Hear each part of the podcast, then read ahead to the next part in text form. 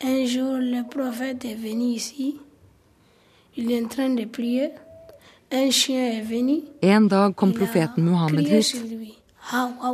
Akkurat idet han skulle til å be, kom en hund og bjeffet på han. Da reiste Mohammed videre til Mekka. Og der er han begravd. Hvis ikke var det Timbuktu som var blitt Mekka. Oui, c'est là. Avant, Tombouctou voudrait devenir Mekka même. Men så er det bare Timbuktu. Hundene har ødelagt alt for oss. Det er hundene som har skylda.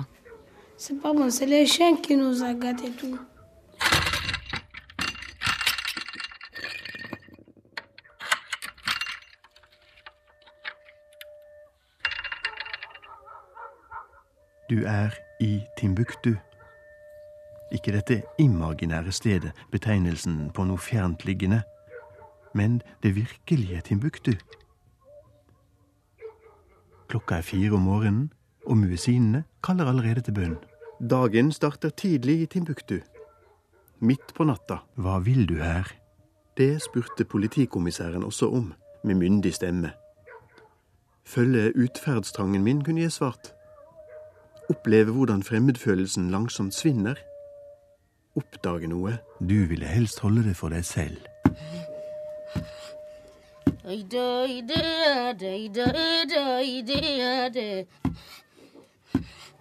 Yalla bismillahi yalanda inyayo Ina ya ramani jakanda baboyo Jeg ønsker meg en mann, synger Aisha. Jeg ønsker meg en mann som har vært rundt i verden, og som har oppsøkt eventyret og er kommet hjem med penger. Det synger hun mens hun stamper hirse. Å stampe korn er nærmest slavearbeid i Timbuktu. Det er arbeid for Bela-kvinner som Aisha. Slaveriet er for lengst avskaffet. Aisha er hushjelp og får en mager lønn.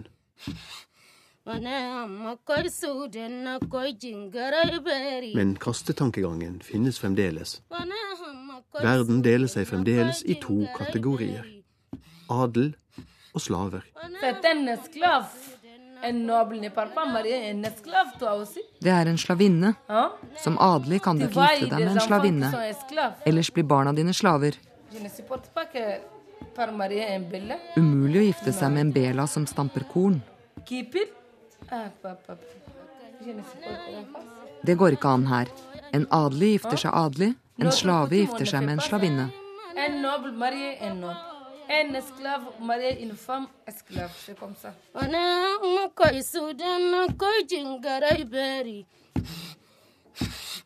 Wana makoy sudan nakoy badala buku Du hadde ikke ventet å finne et så strengt hierarkisk samfunn her i ørkensanden.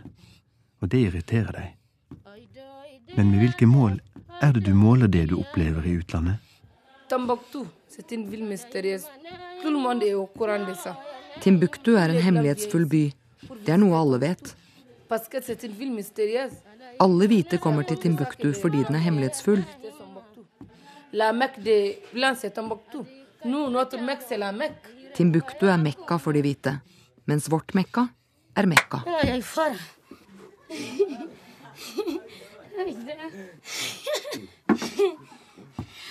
Fara En ørkenflekk i det nordøstlige Mali. Knapt 20 000 innbyggere, et par timers gange nordover fra elva Niger. Avsides i forhold til alt annet. Og så denne stoltheten, dette hovmod. Som om dette var verdens navle. Så vanskelig de har for å legge fortiden bak seg.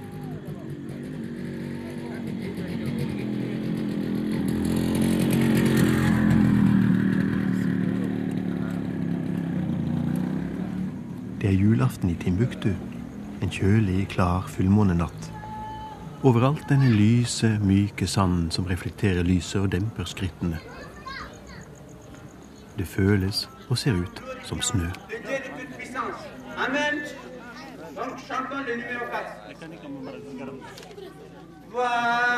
de Dieu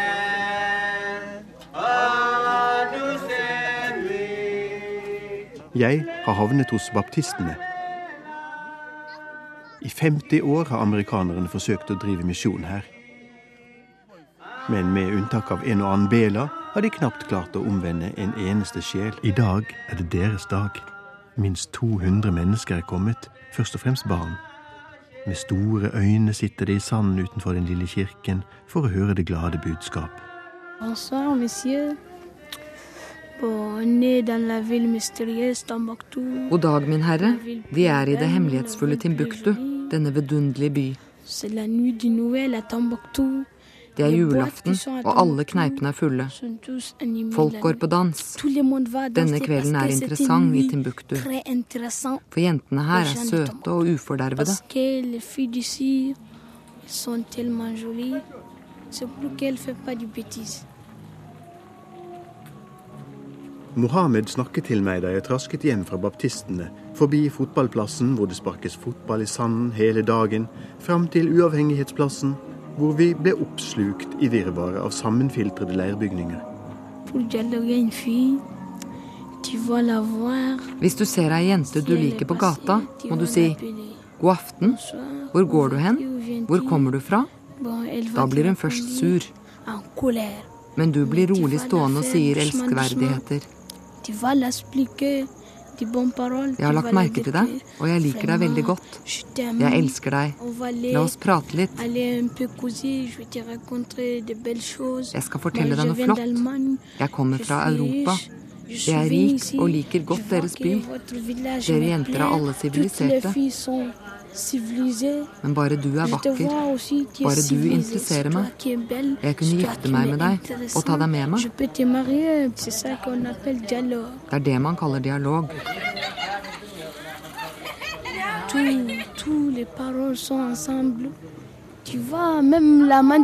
Du kan gjerne lyve.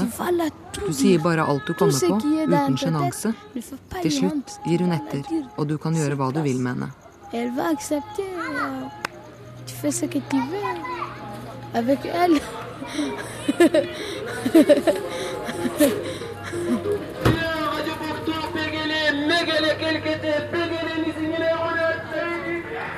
Parce qu'ici, c'est la ville mystérieuse. For dette er den hemmelighetsfulle byen.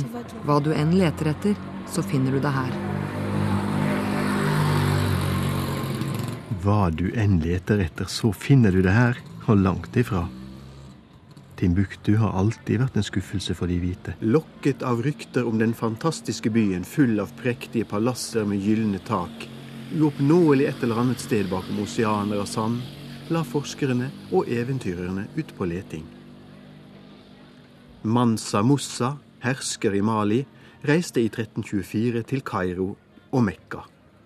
Han brakte med seg så mye gull tilbake at gullprisen fullstendig styrtet og ikke tok seg opp igjen før på flere år. Etter det verserte ryktene i Europa om denne eventyrlige byen, hvor kristne ikke var velkommen. Til dette afrikanske eldorado nådde René Caillé fram den 20. april 1828, forkledd som muslim. Ved solnedgang nådde vi Timbuktu. Ankomsten til denne hemmelighetsfulle byen, gjenstand for så mye nysgjerrighet og undring i det siviliserte Europa, var en ubeskrivelig tilfredsstillelse for meg. Når jeg da så meg omkring, må jeg innrømme at skuet på ingen måte oppfylte mine forventninger. Ved første blikk bød ikke byen på annet enn en ansamling tarvelige leirhus. 150 år seinere skriver Bruce Chetwin. Var det flott? spurte en venn meg etter hjemkomsten. Nei. Timbuktu er alt annet enn flott. Det måtte i så fall være om man synes oppsmuldrende leirvegger er flotte. Vegger med en spøkelsesaktig gråfarge, som om sola hadde sugd ut enhver kulør. Tekstene ligner hverandre, og da vet den fremmede hva som venter. En støvete avkrok som tilintetgjør alle drømmer. Som ikke har noe å by på som kan rettferdiggjøre dens berømmelse. Som ganske enkelt bare er berømt for å være berømt. Og likevel tenkte du at det må jo finnes et annet Timbuktu bak mytene, under leirmurene, som en kan lære å kjenne bare man gir seg tid.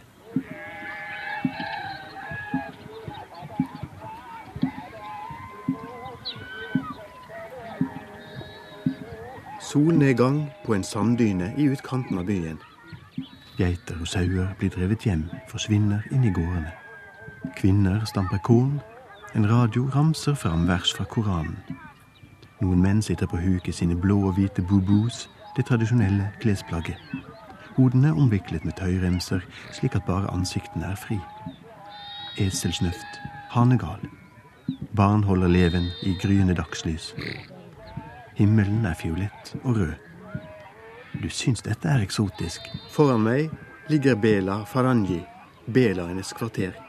Tuaregenes forhenværende slaver, som de senere årene har slått seg ned i byen. De fleste har bygget seg hus, men her ute hvor ørkenen begynner, bor de fortsatt i enkle rundhytter. Teppekledde halvkuler i sanden, omgitt av et kvistgjerde. Bakenfor, på neste høyde, ligger gamlebyen med Sankoré-moskeen, og på nordsiden ligger Abaraju, den arabiske bydelen.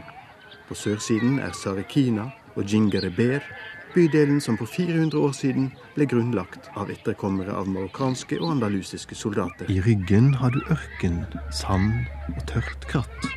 Og et steinkast unna to eselbein som stivt peker opp mot himmelen. At Niger flyter bare 18 km herfra, er umulig å ane.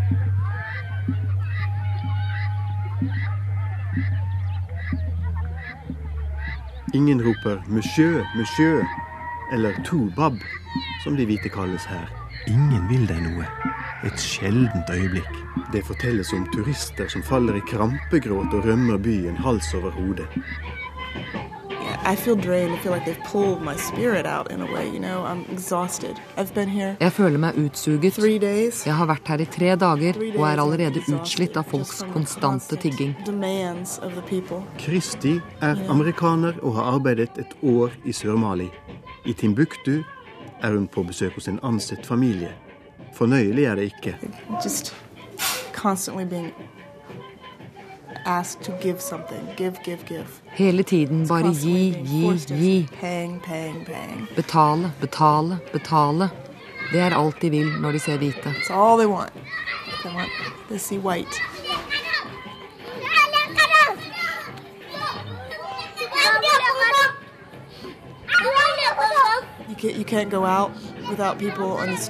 Du kan ikke gå på gata uten å ha en a tuareg etter deg som vil dytte på deg et sverd eller et smykke. jewelry on you. Me and my friends were jokingly calling them the shadows of the desert because they're always behind you, always your shadow following you. Og så alle barna.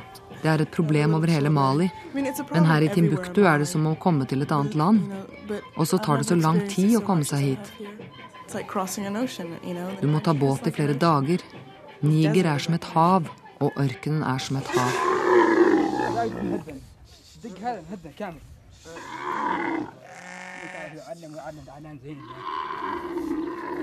Et par nomader drar ut i ørkenen. Kamelene er lastet med kornsekker. Dyrene er motvillige.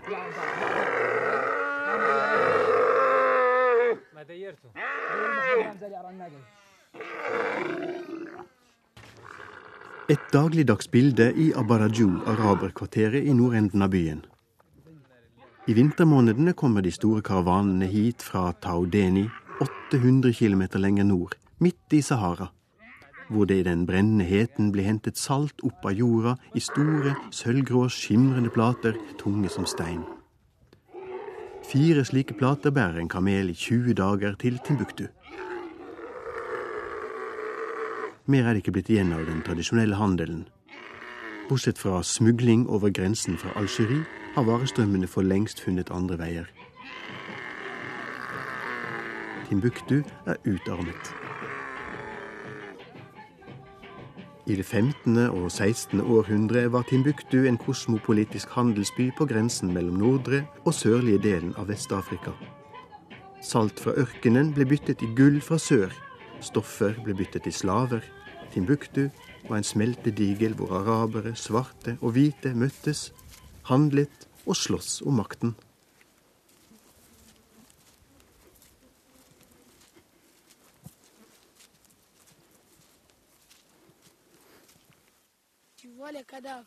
Ser du likene? Det er lik av opprørere. To ligger her, tre i sanddynene. I dynene bak hotellene vest i byen. Av likene er det bare et par knokler og noen klesfiller å se. Ingen har begravd dem. De er på rouge, rødhuder, forklarer Mohammed. Med det mener han lyshudete arabere og tuareger, de hvite. Hvordan vet du det? Jeg vet det, for det var rødhuder som kom om natten for å drepe svarte. De sa de ville herske over de svarte, men vi vil ikke la oss styre av rødhuder. Du syns altså det er riktig å drepe dem? Ja. Fram til våren 1996 var det krig i Nord-Mali og i nabostaten Niger. Tuareg-nomader og arabere gjorde opprør. De hadde mistet dyr i hundretusentall pga. tørke, og så at hjelpen fra utlandet havnet i lommene på de svarte funksjonærene i Sør-Mali. Soldater arresterte dem og ga dem til ungdommene så de kunne drepe dem.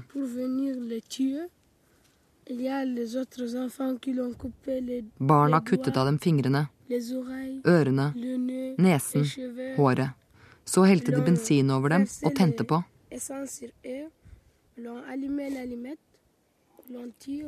Det ligger fem lik her. Timbuktu var ikke sentrum for opprøret, men et granatangrep fra opprørerne var nok til å ødelegge den skjøre etniske balansen i byen. Det ble satt i gang forfølgelse av lyshudete handelsmenn, og mange ble myrdet. Noen omkom i ørkenen, men de fleste redde seg til Mauritania, Algerie og Libya. Var du der? Jeg ville ikke se at de ble drept. Jeg syns det er feil å drepe mennesker. Hvordan vet du at de var opprørere? Det er banditter, for de er rødhuder. Fra våren 1996 har freden hersket. De fleste flyktningene flyttet hjem igjen, men inne i byen tør fremdeles ikke arabere og tuareger å snakke høyt om oppstanden. De svarte vil også at sårene skal gro, og snakker sjelden om det. Men om de likevel sier noe, så kommer den vanlige unnskyldningen. Det var de hvite som begynte. Det kompliserte systemet med inngifte, blodbroderskap og gjestfrihet som regulerte forholdene mellom folkegruppene i hundrevis av år, fungerer ikke lenger. I tillegg er grensene mellom folkegruppene uoversiktlige. Diahara, for eksempel, har tuareg-bestemor og lyshudet mor av arabisk herkomst, men er selv songhai som sin far, og svart.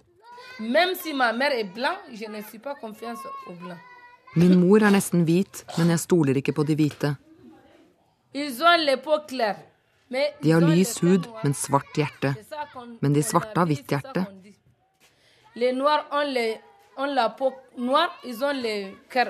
Det er sannheten. Sannheten. Kanskje kommer det av krigen at byen virker så lukket. Kanskje har for mange fremdeles skjeletter i skapet. Og angst. De forteller alt mulig, men allikevel denne ubehagelige følelsen av at det vesentlige forblir usagt. Her er du, i Jingreber, i den store moskeen før fredagsbønnen.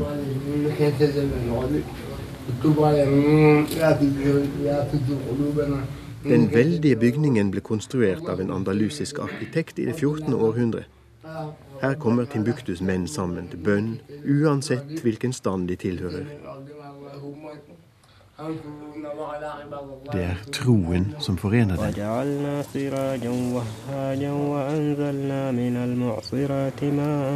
Bare sparsommelig lys faller over hovedskipet, som bæres av en vegg av metertykke søyler.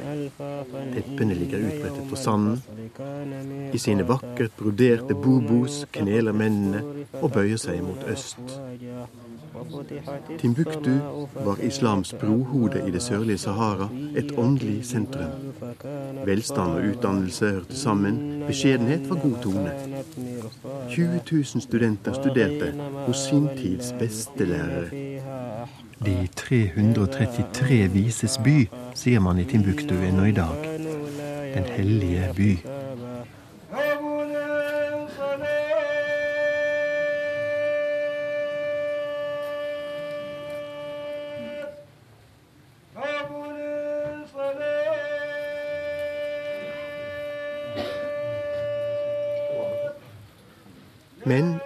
1591 erobret sultanen av Marrakech hele regionen ved hjelp av ildvåpen og mauriske soldater som var fordrevet fra Spania.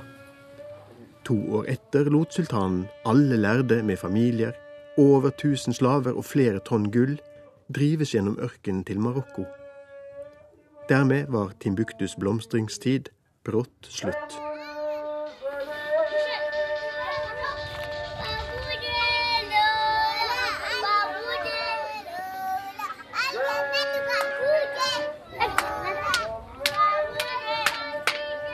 På gata er fremdeles barna. Som om de vil fortelle deg at du ikke hører til her, men er en inntrenger. En fremmed. Den lille hvite fra paradiset. Monsieur Gaven.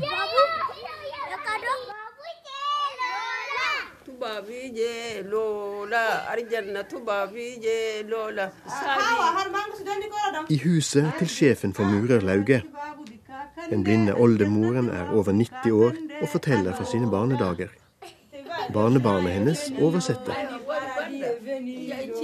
Den hvite er kommet, den hvite fra paradiset.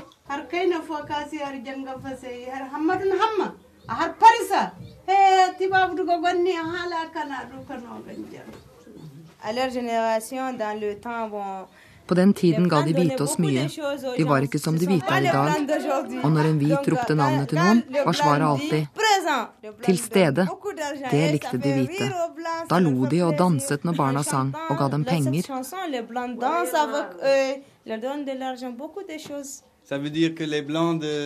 På den tiden var altså de hvite hyggeligere enn enn de hvite i dag.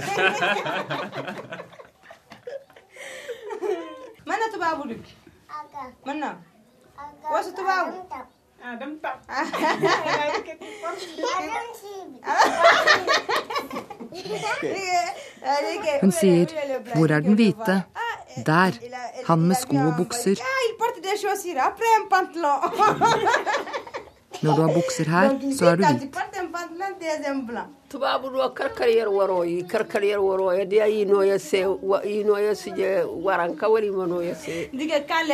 Når de hvite kom forbi, klappet de barna på kinnet, lekte med dem og ga dem mynter. Ganske nye mynter.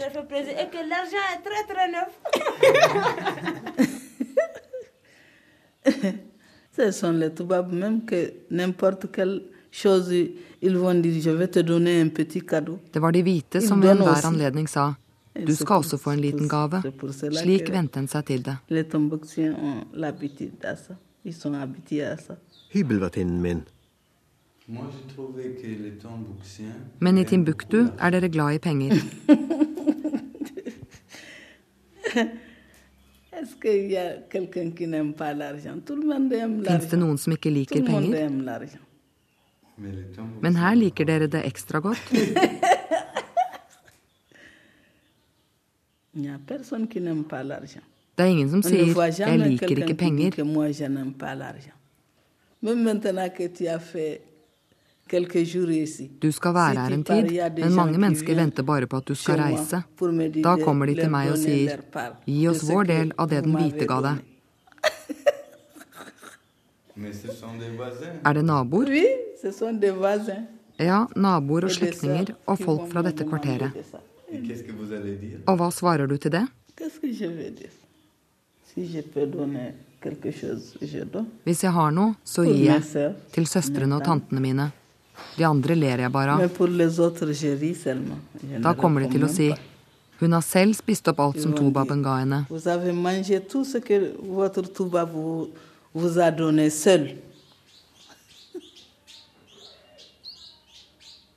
Nå bor jeg midt i byen, i Sarakeina-kvartalet. Jeg har leid et privat rom i et stort hus med bakgård og en terrasse i andre etasje. Hotellet lå for avsides og var for dyrt. Det ble en skikkelig krangel med hotellverten. Da du sa at du ville flytte, brølte han. Hvor skal du? Hva? Et privat rom? Det er forbudt i Timbuktu. Turister må bo på hotell. Jeg går til politiet. Du følte deg uvel. Jeg dro likevel. Med den gamle damen var det enkelt. Da jeg spurte hva værelset kostet, svarte hun det som passer deg.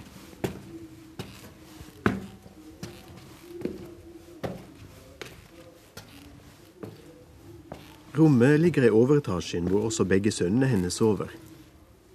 Slik er det i bedre hjem i Timbuktu. Mennene oppe, kvinnene nede.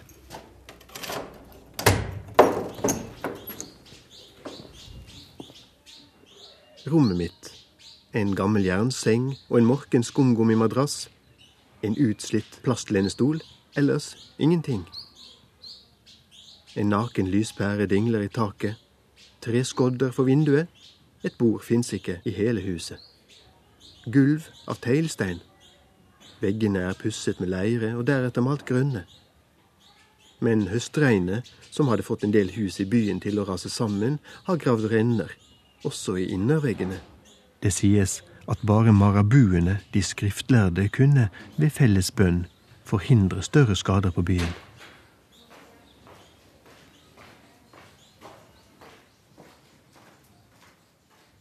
Som alle Songhai-kvinner i Timbuktu driver den gamle damen en liten butikk i første etasje. For det meste sitter eller ligger hun på en matte i halvmørket innenfor døra og lar tiden smuldre bort. Av og til kommer noen innom og kjøper fyrstikker, te, litt sukker eller andre kjøkkeningredienser.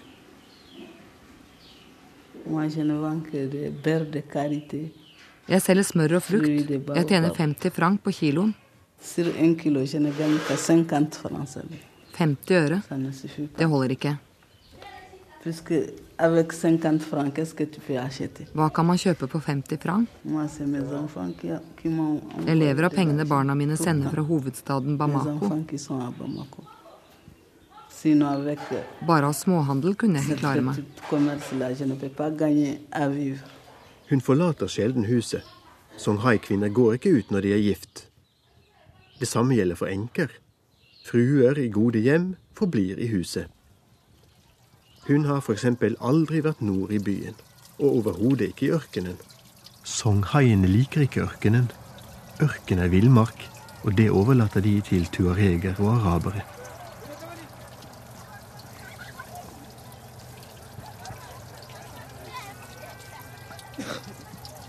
Ved Niger selv måneder etter at regntiden har forvandlet innlandsdeltaet til en gigantisk sjø, er elva så brei at det ikke er mulig å se folk eller hus på den andre siden med det blotte øyet.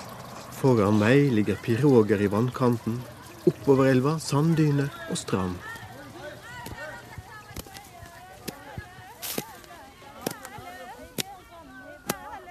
Jeg går hjemover til fots, tvers igjennom de tørrlagte rismarkene.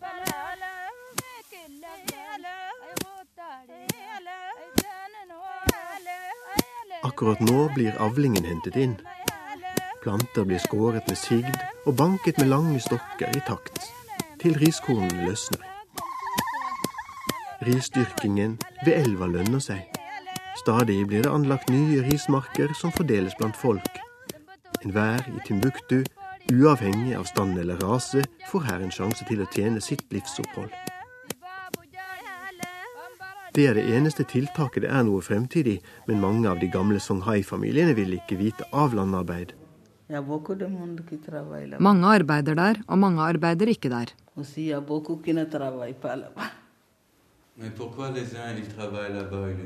Hvorfor vil noen, men ikke andre? Cultivateurs. De er ikke bønder, men en kan jo bli bonde. Her gjør alle sitt arbeid. Det som faren din gjør, det gjør du òg. Er far snekker, blir du snekker. Er far marabou, skriftlærd, blir du.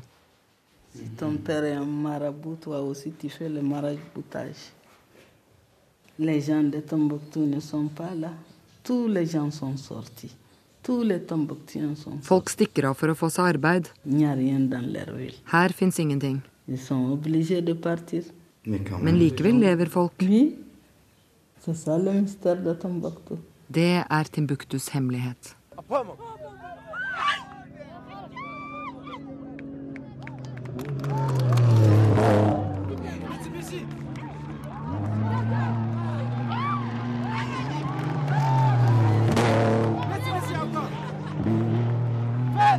Bilrallyet kommer. Timbuktu står på hodet. Det berømte Paris-Dakar-rallyet suser inn fra ørkenen.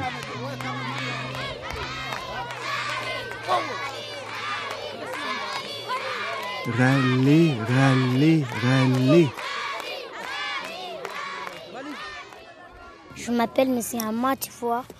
Jeg er monsieur Amma, og jeg gleder meg veldig over at Paris-Dakar-rallyet er kommet til Mali.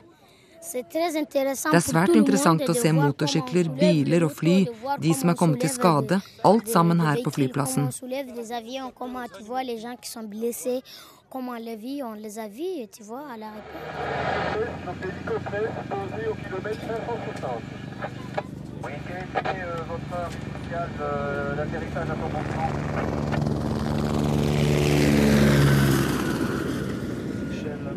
Som romvesener kom de, i fly, helikoptre og lastebiler fulle av reservedeler. Og kommunikasjonsteknikk for å sende bilder av rallyet rundt om i hele verden. Timbuktu er vekket opp. En liten folkevandring har satt seg i bevegelse mot flyplassen, hvor teamene har slått opp verkstedsteltene sine. Alle håper å få fatt i et eller annet fra disse utsendingene fra den glitrende verden. Tu vois, on travaille aussi. Vi jobber og tjener litt på turistene. Jeg er guide, viser dem byen, lar dem ri på kameler, tar dem ut i ørkenen. Tjener du mye? Je gagne. Je gagne. Je gagne parfois 10 000, 5 000, 5 000. Noen ganger tjener jeg 10 000, noen ganger 5000 eller 50 000. Det er mye penger. Hva gjør du med dem? Kjøper meg saker og ting. Resten gir jeg til foreldrene mine. Jeg snakker fransk og engelsk og litt japansk. Arigato, konnichiwa, lakuda, mariboto, soka, soka. C'est tout que moi je peux parler dans ça. Mer kan jeg ikke. Well, see what you want. You need go of the market. You need to see the Spratergoreng of the mosque, Handishbart, and the musée of the market, supermarket. See, you need to go of the camel. Tysk? In Allemagne, ja, ja, ja. Guten Tag. Guten Tag. Tagen. Sprachen Deutsch. Ich weiß nicht.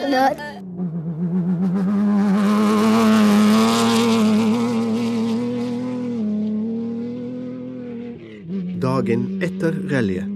Nye caps, nye T-skjorter overalt. I mange av salgsbodene langs gatene har det dukket opp plastbestikk. Nyvasket ca. 15 øre stykket. De stappfulle søppelsekkene som romvesenet har latt ligge igjen etter seg, har innbyggerne slept med seg hjem fra flyplassen for å gå grundig gjennom dem i jakten på nyttige saker.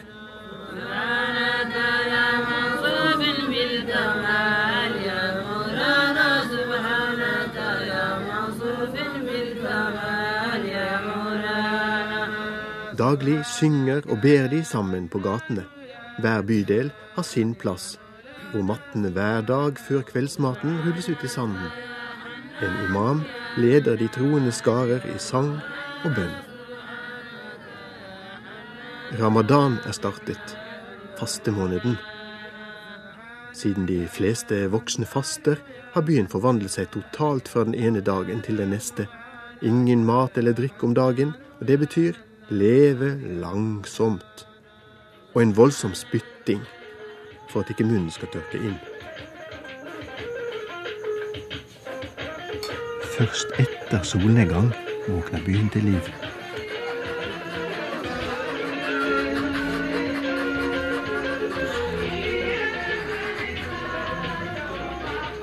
Kveld på markedsplassen foran restaurant du når. Radioen er på. Ved siden av et lite svart-hvitt TV. I sanden foran to benker. Ti mennesker stirrer trollbundet på blodbadet på skjermen. Du ser det blålige lyset danse over ansiktene. Fjernsynet kom til Timbuktu først på slutten av 1996. Hva kommer til å forandre seg pga. dette glimtet av en verden som består av Dallas, Derrick og dynastiet?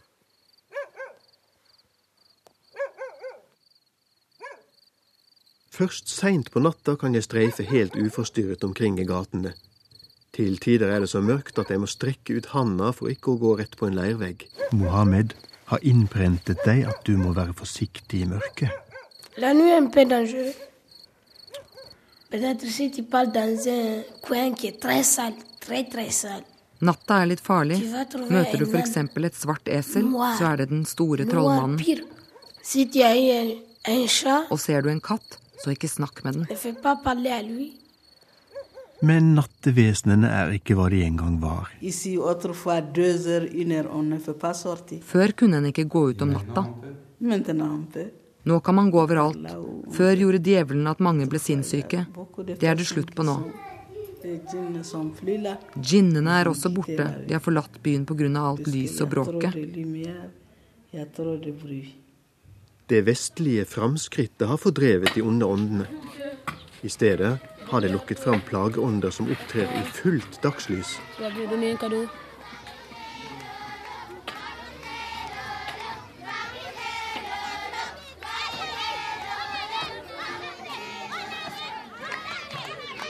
Nervene dine begynner å bli tynnslitte.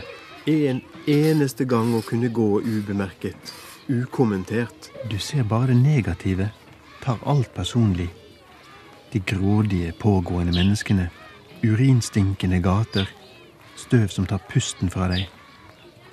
Siden du føler deg utestengt, kommer du i skade for å legge til nye episoder i det skjøre forholdet mellom kristne og muslimer.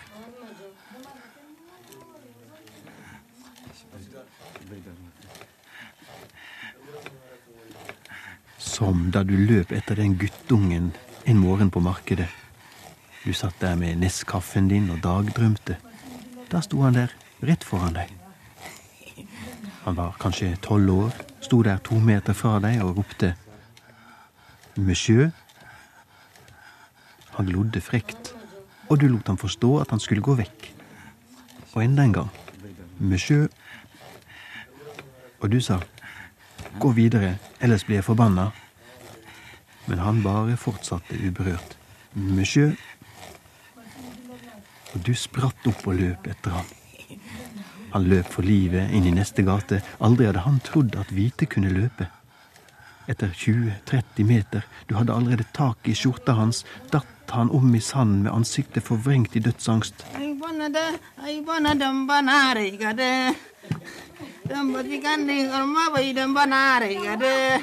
Da sto plutselig den gamle mannen der, rett ved dere, liksom tilfeldig.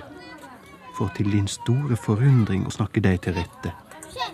Ro deg ned, med sjø. Han mente ikke noe med det. Det kommer ikke til å gjenta seg. Så pinlig, her hvor selvbeherskelse er alt. På høy tid å reise hjem. Det mente politikommissæren òg. Han forhørte meg og blåste seg opp. Jeg hadde intervjuet mindreårige, og det er forbudt i Mali. Og hadde ingenting med journalistikk å gjøre.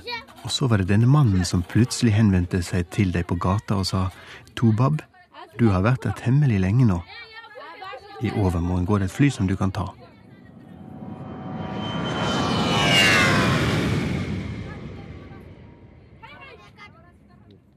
I lang tid har de overvåket deg. Tobab-underholdning kaller de det. Som om byen beskytter seg mot fremmede blikk.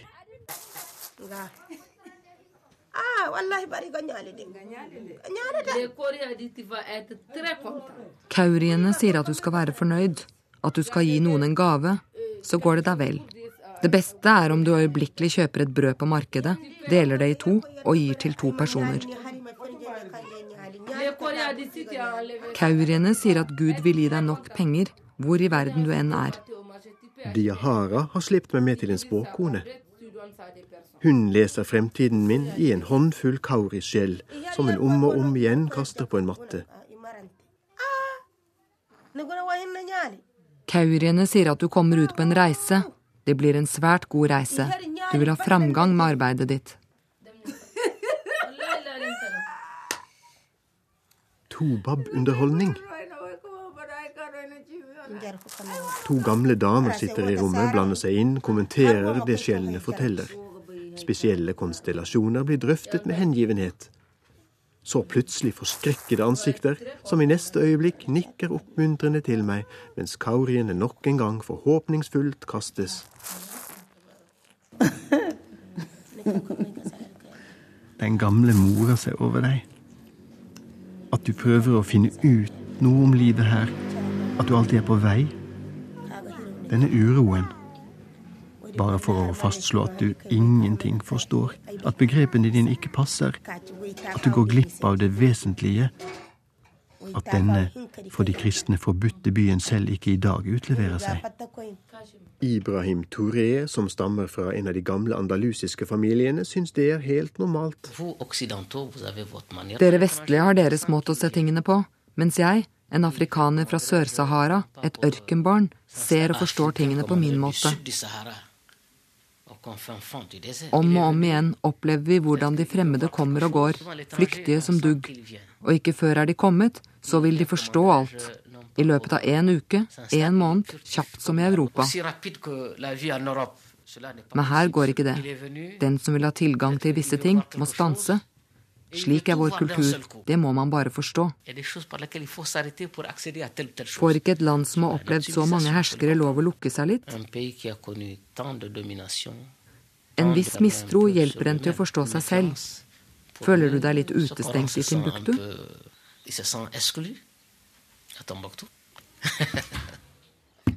Kløften er uoverkommelig. Kanskje jeg har begynt feil.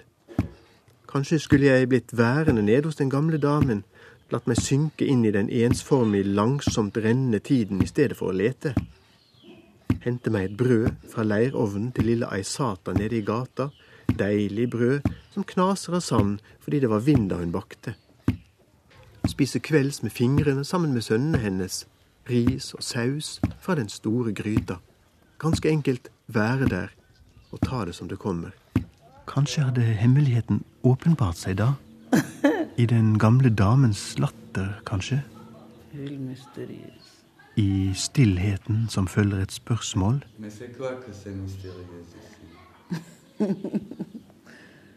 Kanskje ligger den virkelige hemmeligheten i at det ikke fins noe å oppdage? Med europeiske øyne vil det vesentlige alltid være skjult.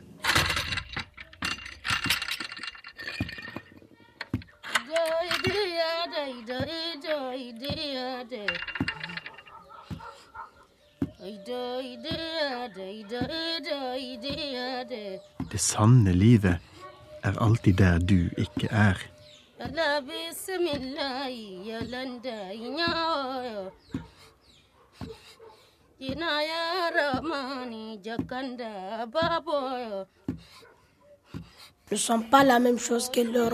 Her er det ikke som i Europa. Der kan du være fattig, men likevel eie en bil. Her har du ikke engang et esel når du er fattig. Europa er bedre. Der er de ikke fattige, ikke møkkete. Dere er alltid rene og velkledde. Dere løper ikke til fots gjennom sanden, som vi. Det er sivilisasjon. Her er det alltid skittent. Alt er insekter og fluer.